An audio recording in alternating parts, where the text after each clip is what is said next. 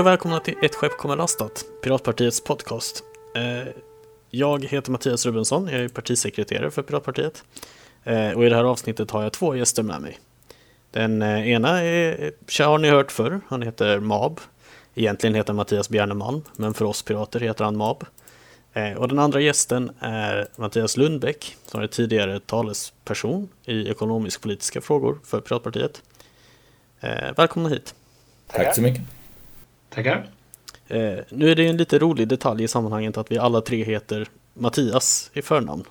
Eh, så för att det här ska bli lite enklare för er lyssnare och för oss eh, så kommer vi konsekvent eh, referera till Mab som Mab och till mig som Rubensson och så får Mattias Lundbäck då heta Mattias. Eh, så hoppas vi att ni hänger med på vem vi pratar om. Det låter bra. Eh, dagens ämne är App Store-monopol. Eh, om de finns, eh, är de problematiska? Vad, vad, kan vi göra åt dem? Vad har Piratpartiet för åsikt? Eh, det har ju varit en del eh, uppståndelse runt det här senaste året ungefär. Eh, och jag skulle säga att det hela började egentligen när Epic Games, eh, alltså tillverkaren av Fortnite, de stämde Apple för ungefär ett år sedan för att Apple inte tillåter dem att sälja saker inuti Fortnite, utan de måste sälja saker via App Store till de som då spelar Fortnite på iPhone. Och efter den här stämningen så har det ramlat in en massa andra olika stämningar. Eh, Spotify har stämt eh, Apple, eh, Proton Mail har stämt Apple, Epic har stämt Google också för motsvarande då på Android-plattformen. En massa olika stämningar som hävdar att de olika App Storen utgör ett monopol och att Google och Apple då missbrukar dessa monopol. Sen finns det ju de då som hävdar att det här inte alls är några monopol. Eh, framförallt då på Android eftersom vem som helst kan installera en alternativ eh, appbibliotek till Google Play Store. Då F-Droid är den största. Eh, tycker ni att Apple och Google har monopol utifrån sina App Store? Vill du börja Mattias? Ja, eh, jag kan ju säga Både ja och nej. Ehm, det är... Det är ju frågan ehm, vad som, vad som egentligen är ett monopol och ehm, hur man ska definiera det.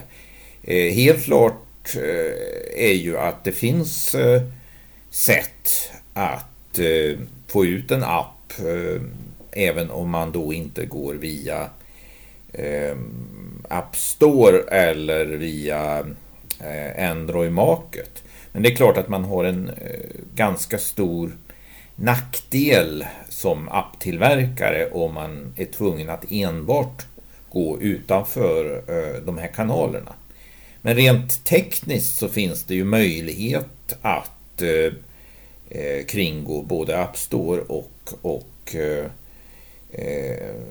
Eh, och, och Android Market och eh, faktum är ju att eh, Apple i någon mening vill att en hel del apptillverkare förmodligen ska eh, inte ska använda sig av, av, eh, av, av App Store Därför att man kanske inte tycker att apparna är särskilt unika och tillför särskilt mycket och man vet att användaren bara använder ett fåtal appar.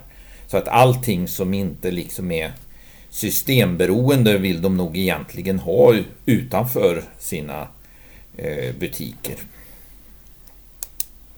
Ja. Eh, så att, eh, ja det är svårt att säga. Både ja och nej skulle jag säga. Klart man har en viss, ganska stor marknadsmakt. Det har man. Vad tycker du Mab? Jag tror att vi skjuter lite fel om vi gräver ner oss i om det liksom passar in i en snäv definition av ordet monopol. Eh, det som är uppenbart är att de har en dominerande ställning på marknaden. Och det är också uppenbart att de eh, utnyttjar den, eller missbrukar, beroende på hur man ser det, den dominerande ställningen så gott de bara kan för att gynna sig själva. Eh, och då är frågan om det är relevant huruvida det är ett totalt monopol eller om det är ett nästan monopol. Eh, det vi ser är att de tack vare eh, sin dominerande ställning kan i princip pressa vilka priser de vill av användarna eftersom värdet att finnas i deras App Store är så enormt jämfört med alla andra alternativen. Hur menar du att eh, Apple och Google då utnyttjar sin ställning för att gynna sig själva? Alltså, det enklaste är ju att kolla prisbilden. De tar, vad är det, 30% ungefär av allt du betalar i ett spel som har laddats ner via en av deras App Stores.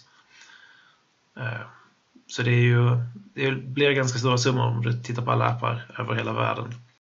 Eh, och Spotify har ju klagat till exempel då på att eh, de kan inte konkurrera med Apple Music när Apple i princip då lägger på en 30-procentig eh, avgift på Spotifys prenumerationer jämfört med Apple Musics.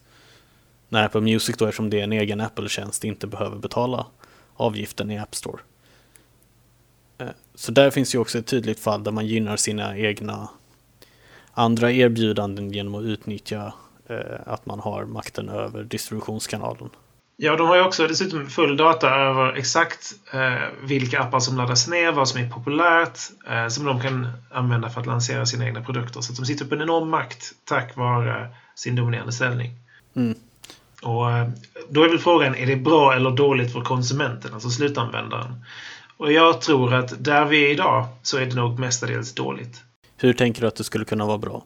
Rent krasst, när företagen behövde byggas upp för att kunna erbjuder de tjänster de har idag så behövde de förmodligen eh, kontroll över vilka appar som fanns ner för att helt enkelt bygga upp eh, den positionen de har. Och, och, det, är ju, det var väl praktiskt för användarna att eh, Apple kunde erbjuda allting snabbt och smidigt till sina trogna användare. Åtminstone initialt. Mm. Ja, man kan ju fundera på, eh, även om Apple tillät den att installera ett konkurrerande appbibliotek på sin iPhone.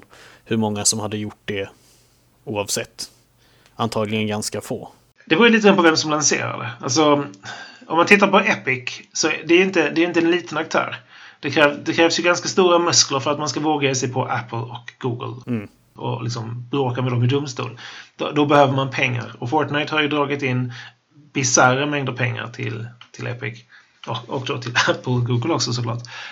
Um, så att om, om man skulle få lansera en konkurrerande uh, App Store hur som helst på Apple så är det inte helt osannolikt att ett par stora apptillverkare antingen gör det själva eller går samman och helt enkelt lanserar en konkurrent för att slippa de här 30 procenten. Mm. Och då kommer de ju ha enorma marknadsföringskampanjer överallt där de kan för sin nya tjänst. Ja, då lär det ju krävas i så fall någon form av flaggskeppsapp. Eh, ja. Alltså en sån Fortnite till exempel finns nu bara i den alternativa distributionskanalen. Ja, eller bara som de gör det själva. Alltså, Fortnite körde ju att vad var det, 20% billigare om man köpte det via dem istället för att betala via eh, Apples betalsystem. Mm, just det.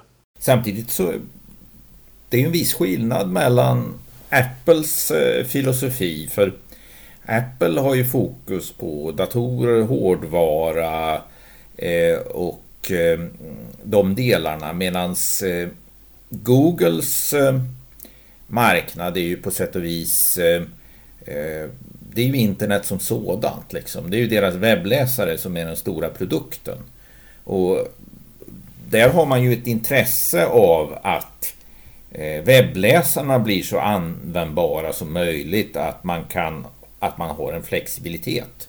Och de satsar ju på att utveckla teknik som gör att de här App Stores kanske inte är så nödvändiga. Eh, man arbetar ju till exempel på att förbättra möjligheten att använda det som man kallar för progressiva webbappar och eh, mycket annat som, som gör att man har en reell möjlighet att göra en bypass på, på hela App Store-systemet.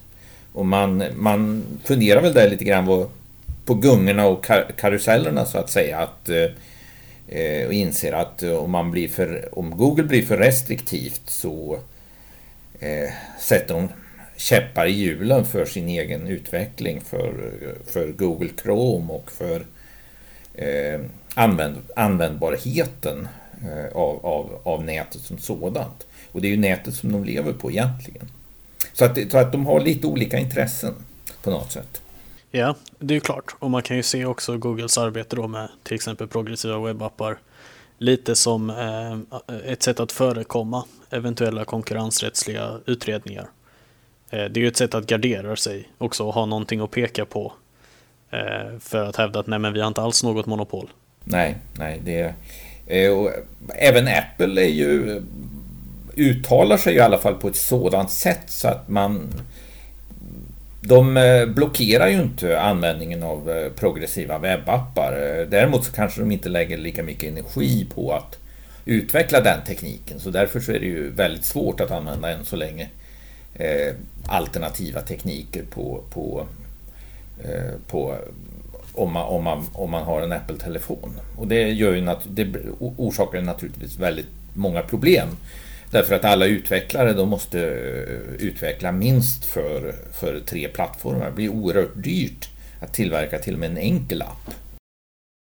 Men eh, progressiva webbappar har väl då inte tillgång till eh, vissa av mobilens interna system? Kan de anropa så, gyroskop och annat?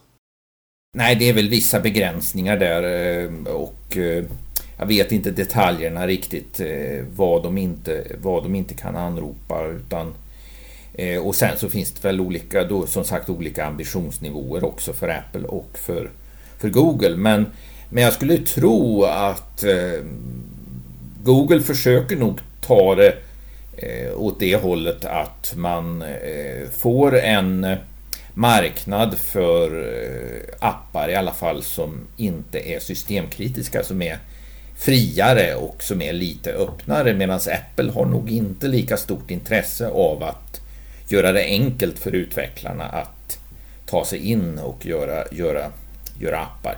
Det är, det är ju liksom med en progressiv webbapp så på något sätt så tar man ju bort i någon mening distinktionen mellan ett bokmärke och en app. Det blir ju egentligen mm. samma sak. Just det. Men om vi då tänker att vi har konstaterat att ja, eh, det finns, det kanske inte är tekniska monopol, men åtminstone en så pass dominerande ställning att de har eh, orimlig makt över marknad och slutanvändare. Det kan vi väl känna att vi konstaterat. Eh, vad, vad, kan vi göra åt den här situationen är då eh, frågan. Va, eh, vad tycker ni vi ska göra åt det här? Jag, jag tror att Eh, om man ser det krasst, om man ser krasst eh, på saken så företag, eh, staten har eh, våldsmonopolet. Det är liksom staten som sätter gränserna för hur stor makt ett privat företag eh, kan ha.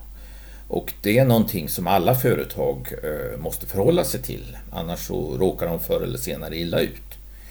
Eh, och eh, det, och, och, och det är ju mycket i, i, säkert i det gränssnittet som, som den här konflikten kommer att avgöras. Alltså vad kommer, vad kommer statsmakten att göra? Men just när det gäller de här Ehm, eh, internetjättarna så är det ju ytterligare ett problem och det, det är att det finns många statsmakter. Det finns eh, många statsmakter som, stater som konkurrerar med varandra vilket gör det väldigt svårt eh, för, för staten och politikerna att förhålla sig till, till eh, de här ja, halvmonopolen, om vi, om, vi, om vi får kalla dem det. Så, att, så det är lite grann, lite grann blir det ju en någon form av, av eh, jämviktssituation där ingen riktigt har, har makten. Det blir lite som sten, sax, påse. Liksom. Det är ingen som riktigt har eh, makten över de andra spelarna i det här systemet. Mm. Vad säger du Mab? Jag tror att jag håller med. Sen så, så är det väl så att vissa stater har betydligt större möjlighet att påverka de här företagen än, än andra. Ehm, jag tänker mig att eh, Liechtenstein inte kommer kunna reglera eh, internetjättarna sådär direkt. Eh, medan både USA och EU som gemenskap har, har helt andra möjligheter att faktiskt påverka vilka regler som gäller. Och sen så kommer de regler som sätts upp i Europa och USA bli ledande för, hur de här, för vilka regler andra länder har möjlighet att anta. De, det kommer helt enkelt bli en, så att säga, en, en tröskel för att det kommer vara okej okay att reglera dem på samma sätt som Europa eller USA gör. Uh, och tittar vi på EU så håller vi på att titta på hur vi reglerar dem just nu i uh, heter Digital Market Act mm. uh, och Digital Services Act som är två lagpaket som, som ligger i Europaparlamentet som, som jag skulle ha jobbat med om jag inte varit mam- föräldraledig på 50% Men jag har väl ett, ett halvt öga på dem. och i, det är väl framförallt lagen om digitala marknader, alltså Digital Market Act, som är, som är relevant i den här frågan. Och där, där pratar man ju just om grindvakter som det svenska ordet blev. Eh, det vill säga plattformar som har en stark ekonomisk ställning eh, och stor inverkan på den inre marknaden. Plus att de måste vara verksamma i flera länder. Och sen så är de att de fungerar som en mellanhand. Eh, det vill säga kopplar samman en stor användarbas med många företag. Vilket ju är en klockren beskrivning av Apple App Store. Mm. Och sen exakt vilka regler som kommer. Och det innebär att vi sätter upp andra regler för de här dominerande plattformarna jämfört med vad som gäller för alla andra. Och det, det är väl rimligt. Um, om vi vill ha regler som begränsar vad Apple får göra med sin App Store så är det inte säkert att vi vill ha samma regler för en alldeles ny lanserad liten App Store för den kanske skulle gå under av, av, av de begränsningar det innebär. Så att om man vill att det ska dyka upp nya alternativ till de som dominerar så måste man ju ha striktare regler för de som dominerar. Just för att de inte ska kunna slå undan benen för sina konkurrenter. Jag uppskattar den här eh, upptrappande effekten. Jag, jag ser det lite som så att i Digital Services Act så börjar man reglera då värdtjänster och, och sen reglerar man plattformar. Sen reglerar man stora plattformar med då ökande krav.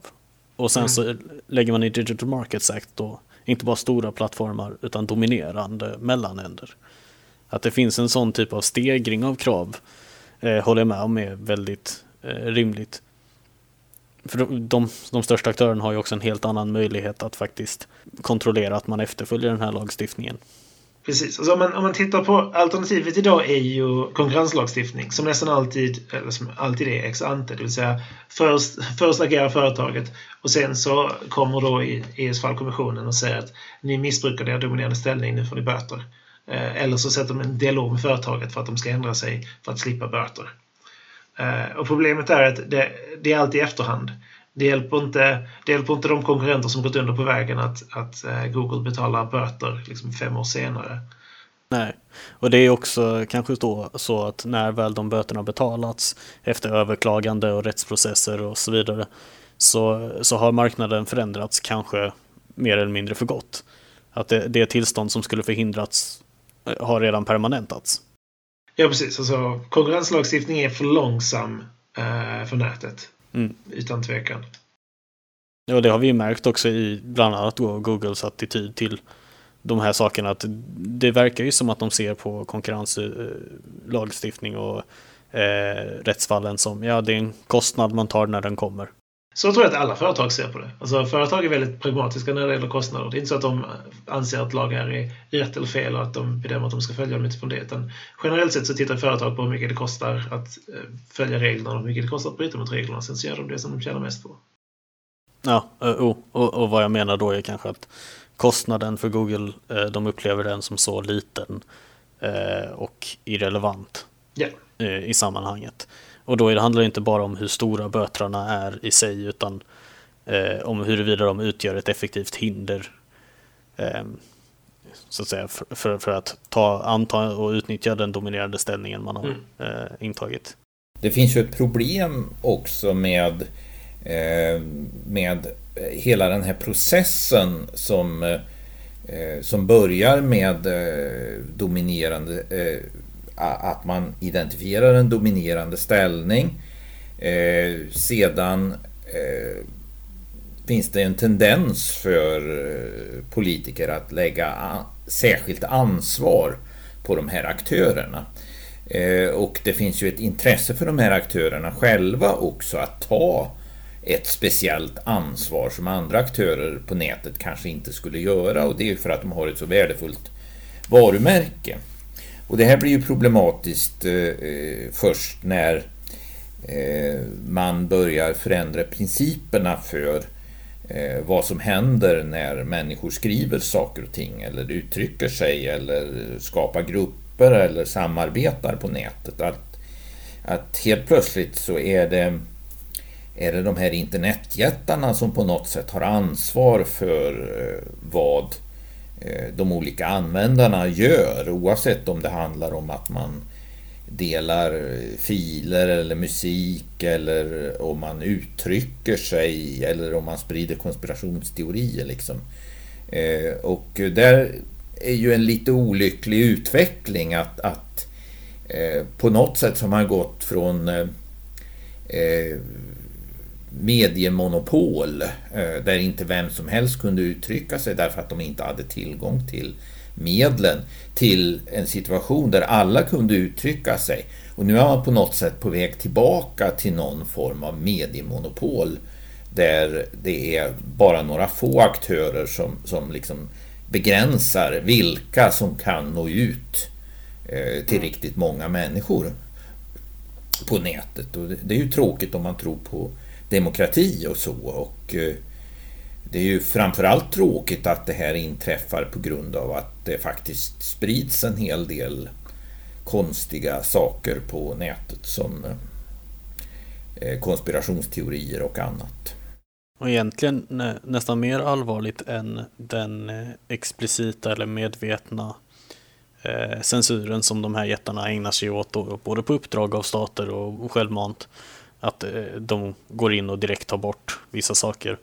Värre än det är egentligen den indirekta styrning av eh, medielandskapet eller samtalet, eller vad man vill kalla det, eh, som utgörs av att deras rekommendationsalgoritmer själva styr vad som får eh, spridning. Så att vi får en enkel riktning i att det som deras få algoritmer tycker om är det som syns. Jämfört med då en situation där vi haft en mängd olika algoritmer som haft olika preferenser och då gett olika materialspridning i olika typer av miljöer. Så även, även om man inte skulle anklaga dessa jättar för att medvetet censurera vissa typer av åsikter eller någonting annat ehm, så är bara deras dominerande ställning i sig eh, ett hot mot yttrandefriheten om man så vill säga det. Eller i alla fall ett hot mot mångfalden. Det skapar en likriktning som Ja. Som vi, hade gärna, som vi trodde att vi skulle slippa tack vare internet. Ja, men precis. Eh, och, och det, det, är ju också relevant för hela diskussionen om konkurrensrättslighet och eh, om man ska ställa särskilda krav på dominerande aktörer att eh, tillåta användare att byta ut deras rekommendationsalgoritmer mot alternativa eh, algoritmer eller om man ska kunna säga jag vill ha allting kronologiskt eller liknande då alternativ. Mm. Vilket jag tror är en del av Digital Markets Act om jag minns rätt. Nej, det låter som Digital Services Act. Ah, just det. Nej, det stämmer nog. När det gäller eh, vad sociala, med sociala medieplattformar eh, ska göra så är det i princip bara Digital Services Act som är texten att gå till. Eh, men, men det intressanta med Digital Markets Act är ju om man tittar på relationen mellan de här eh, grindvakterna och eh, företagen. Mm. Eh, som, som är där. För att det som i, i dagsläget så är det inte så att en app som finns på uh, Apples uh, App Store får information om uh, all den information som Apple får tack vare appen finns där. Alltså försäljning i förhållande till andra appar, vad som klickas samtidigt och så vidare. Vilka, vilken telefonmodell som de som köper har. Den, den informationen har ju Apple. Men i, eh, i Digital Markets Act förslaget, ska vi säga, så vi får se hur det blir i slutändan, så finns det några rader om att eh, de måste låta sina företagskunder få tillgång till den data som de, eh, som de genererar vid användning av sina plattformar. Det vill säga att den, den metadata kring eh, apparna som Apple får måste också gå till då de som faktiskt levererar apparna. Och det gör ju förhoppningsvis att eh, Apple inte kan använda eh, apptillverkarnas eh, data om sina appar för att konkurrera ut dem med egna, egna produkter. För Problemet är ju att Apple tillhandahåller telefonen, de tillhandahåller App Store och de tillhandahåller apparna i App Store. Mm. Och det, det, det, är det som är problemet. Att det, finns, det, det är liksom ingen segregering mellan de olika lagren utan Apple tillhandahåller en, en helhets, eh, ett helhetspaket av allt. Uh, Ungefär som förr i tiden när man i princip inte kunde komma undan från en Microsoft-produkt om man köpte en, en PC. Eh, och det finns väl egentligen inget förslag i Digital Markets Act om att man ska separera den typen av vertikal integrering som du pratar om? Nej. Eller finns det med som någon form av sista eh, utväg? Nej, det finns inte med. Alltså, det finns ju en, en väldigt vag kommissionen kan lägga på ytterligare sanktioner. Ehm, men eh, exakt vad det skulle innebära är eh, det är väl nog snarare att de skulle kunna bli tvungna att sälja av delar av ett företag. Så att på så sätt så skulle man kunna skapa en sån, eh, eller få bukt med en sån eh, vertikal integrering. Men, eh, men det, är, det är ju liksom det yttersta hotet om de inte följer reglerna och under lång tid. Och det ska nog mycket till innan, innan kommissionen försöker gå in och peta i företagen på det sättet. Ehm, vi är inte lika förtjusta att göra det i Europa som de är i USA. De är lite snabbare på att bryta upp monopol där. Mm. Ja, eh, och om vi då går tillbaka till vad vi började med att prata om då specifikt eh, App Store, så eh, den situationen, så innehåller ju Digital Markets Act också en eh, paragraf om eh, att just grindvakter ska tillåta installationen och citat effective use av då ett alternativt appbibliotek. Mm. Eh, som ska, om jag förstår det rätt, ha samma typ av tillgång till eh, själva operativsystemets tjänster då som till exempel den inbyggda GPSen eller liknande eh, som till exempel då Apples egna App Store.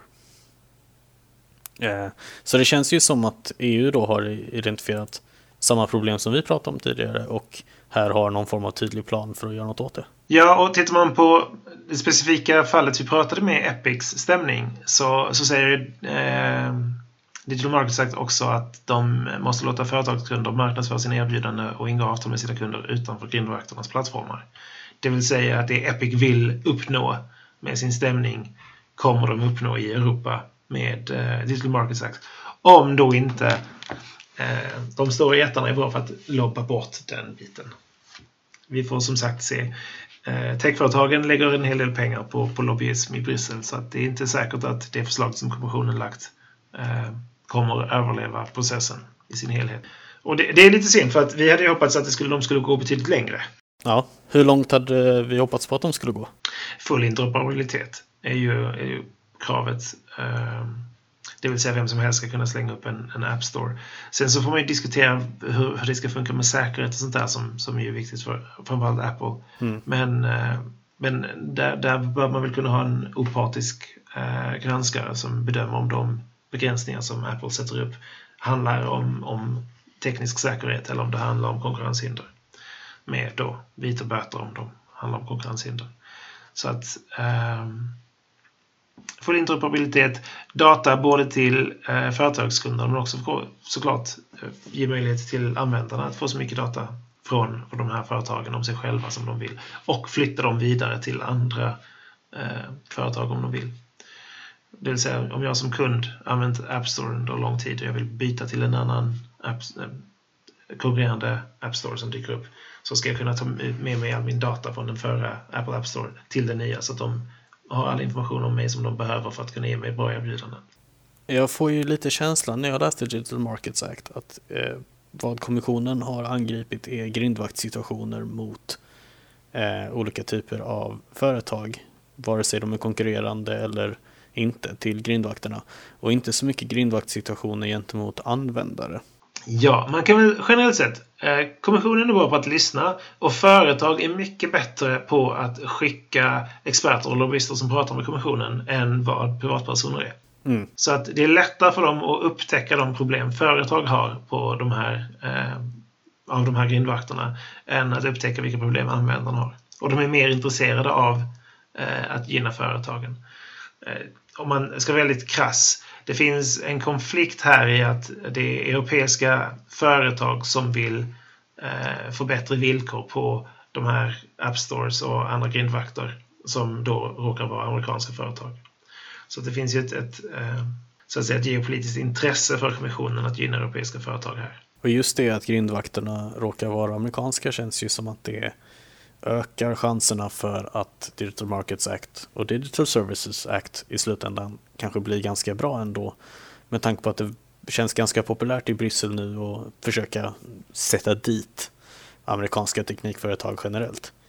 man kan spela på lite så här fransk nationalism och lite sånt. Ja, precis. Vi, från ett svenskt perspektiv där vi, vi tror att alla handelsavtal handlar om frihandel och att alla i världen egentligen mår bra av lite extra frihandel. Så, och att det är liksom en åsikt som folk har lite till mans i Sverige. Så, så upptäcker man snabbt när man rör sig bortom Sveriges gränser att den bilden finns inte i övriga Europa. Där är det mycket mer en, en, en kamp mellan nationella intressen och eh, andra nationella företagsintressen. Så att, att, att, att peka ut att det här är amerikanska storföretag gör det möjligt för politiska grupperingar som normalt är väldigt företagsvänliga att ändå stötta lagstiftning som då missgynnar de här företagen. Mm. Eftersom det gynnar europeiska företag, eller är tänkt att gynna europeiska företag på de amerikanska bekostnad. Mm. Ja, vi får ju se hur det, hur det landar. Vad, vad, tror du är tidsramen för, för den här lagstiftningen? Oj. När kommer den vara på plats? När kommer den vara på plats? Eh, det beror ju på. Tre, fyra år kanske, med tur. Mm. Ja, det tar ju tid i Bryssel. Nej, det tar tid i medlemsländerna. Mm. Det är inte Bryssel som är långsamt. Eh, parlamentet kommer ha sin eh, första läsning i princip klar om ett år max. Uh, och hade rådet varit lika snabbt så hade det varit stort sett klart ett halvår senare, det vill säga ett och ett halvt år. Det är nästan alltid ministerrådet som drar ut på tiden. Varför gör det det? De har inte samma struktur med, med möten och utskott som sammanträder med valda ledamöter som eh, jobbar på för att hitta kompromisser. Utan är, är ett par länder oense så är det nästan lättare att bara vänta ett halvår och se om någonting har ändrats än att faktiskt sätta sig ner och diskutera fram en kompromiss. Mm. Okay. När man pratar om konkurrenssituationer är det svårt att eh, eh, koppla isär det också från eh, beskattningsfrågor. Jag antar att det också är någonting som diskuteras. Eh, hur ska internetjättarna beskattas? Jajamän. I EU menar du? Ja, ja. Ja, definitivt. Det har diskuterats. Dels så har ju kommissionen eh, lagt förslag som ratats av ett par länder. Eh, och beskattningsfrågan kräver ju enhetlighet så att eh, de är väl så att säga dead in the waters, vad det nu kan heta på svenska. Eh, men då har vissa länder gått ut, till exempel Frankrike, och sagt att de ska ha sin, egna, sin egen lagstiftning om att beskatta eh, internetföretagen. Så att det, det är en stor konflikt. Eh, och den, exakt hur den kommer lösas vet jag inte, men på något sätt så kommer de europeiska, EU och de europeiska länderna förmodligen se till att kunna beskatta intäkter från amerikanska IT-företag när de eh, säljer varor och tjänster i Europa. Det är ju naturligt att eh, skattebaserna i allt större utsträckning går mot eh, konsumtion och eh, eh, det är ju nästan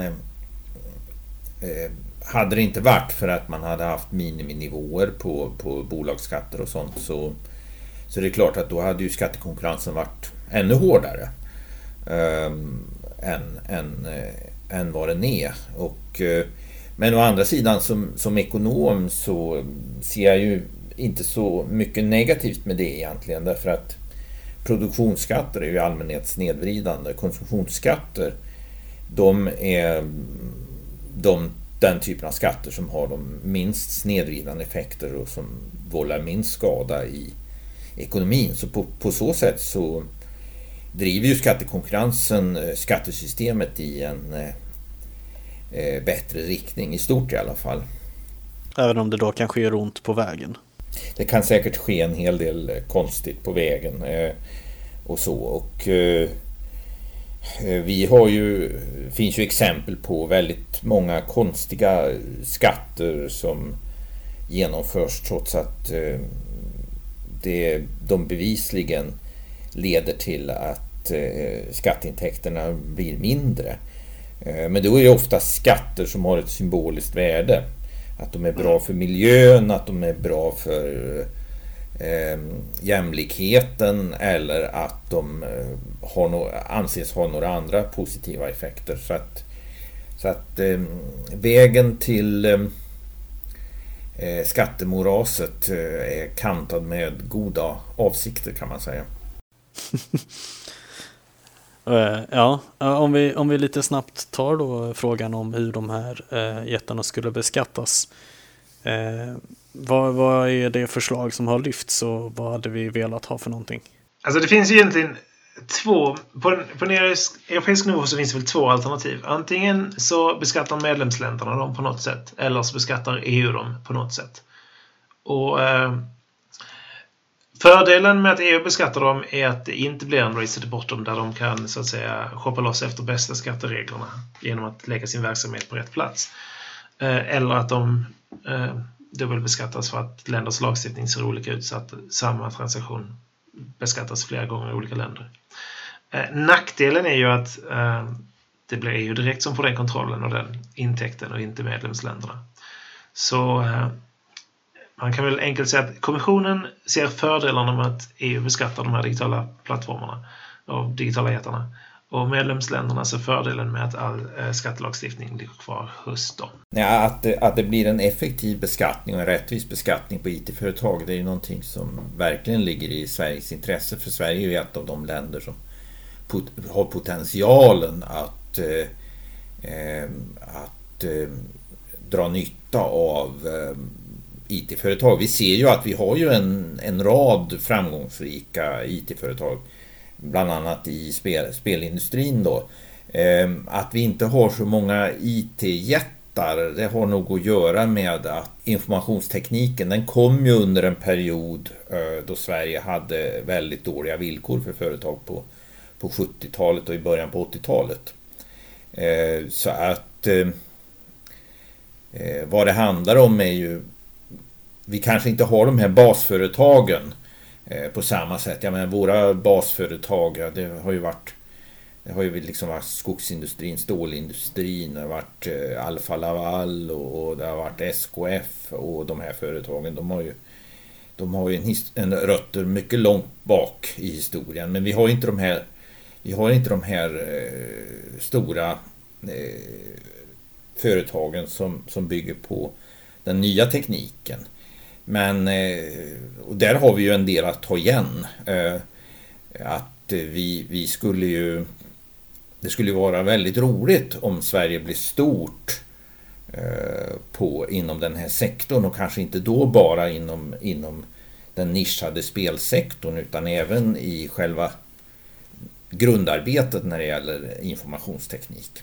Vi har ju dock Ericsson som är, som är ett, ett mycket, i mycket ett resultat av eh, avregleringen av, av det svenska telemonopolet. Och, det, det, och där hade vi ju en hel del tur. Mm. Och, och eh, möjligheten för då svenska it-företag att växa och konkurrera stärks ju kanske då ifall vi också åtgärdar den typ av monopolliknande situation som finns på många, eh, i, inom många internetmarknader. Ja. Och det, och det är ju också en, en fördel med att faktiskt göra någonting åt den situationen. Ja, nej det, det är ju naturligtvis så att eh, eh, eh Spotify är ju ett, ett, eh, en framgångssaga på ett sätt. Men samtidigt så befinner man sig i en mycket svår situation. Jag skulle, jag, jag, inte, jag skulle inte satsa pengar i Spotify för, för Eh, just eftersom jag vet vilken enorm fördel Apple har eh, med integreringen med operativsystemet, möjligheten att teckna kontrakt med skivbolag, att köpa upp eh, låträttigheter och så vidare. Alltså, det, det är väldigt svårt att konkurrera med ett företag som har, som har den basen att stå på, tror jag.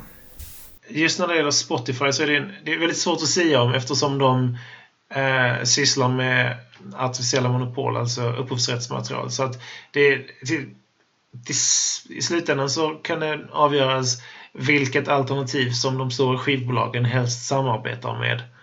Eh, kommer att avgöra vilken, eh, vilken sån eh, streamingtjänst som, som lyckas. Mm.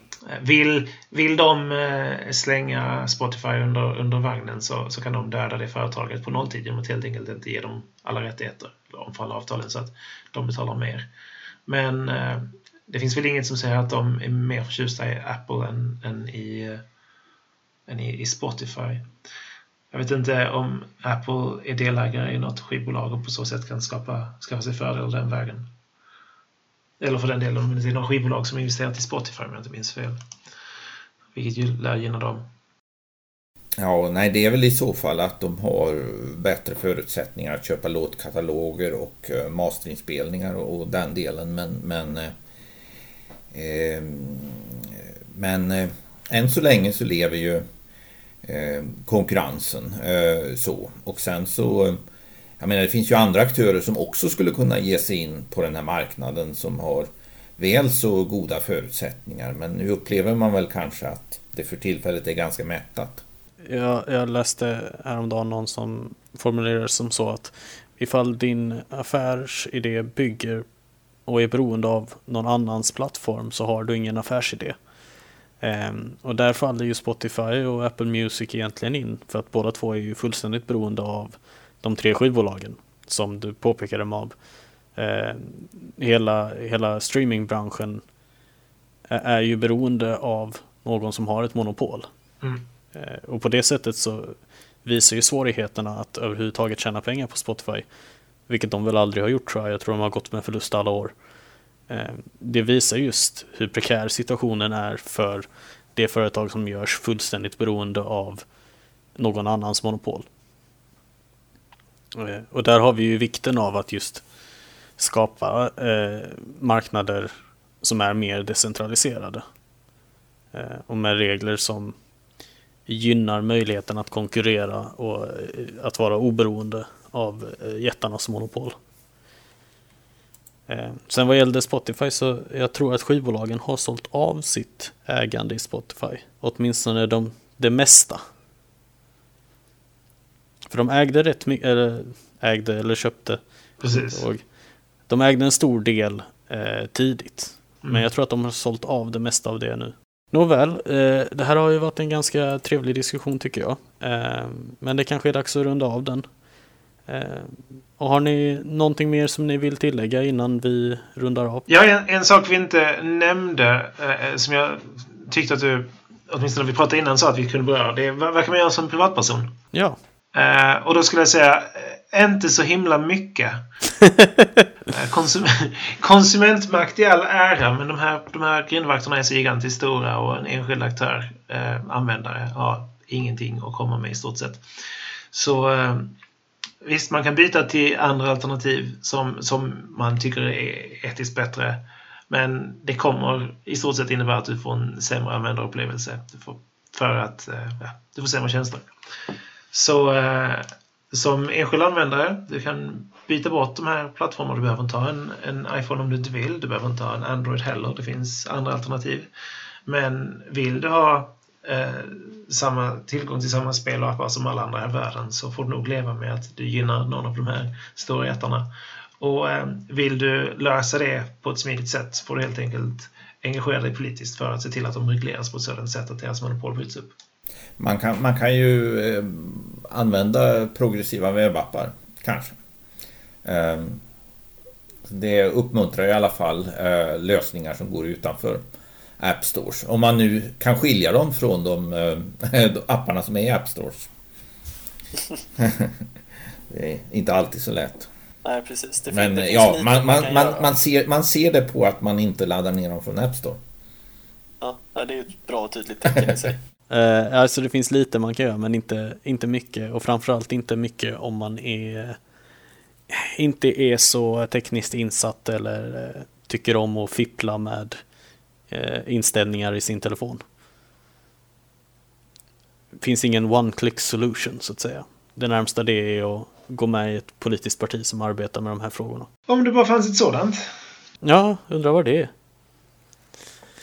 Ja, eh, Mattias, har du något eh, du ville tillägga innan vi avslutar? Nej, nej, jag tycker väl vi har väl täckt in en del här. Det finns mycket mer att diskutera förstås, men... Ja, den här diskussionen skulle kunna pågå eh, hur länge som helst. ja, nej men då så. Då tackar jag för att ni har varit med i det här avsnittet av Ett skepp kommer lastat. Så hörs vi någon annan gång. Tack så mycket. Mycket intressant att få vara med. Ja, tack för ikväll.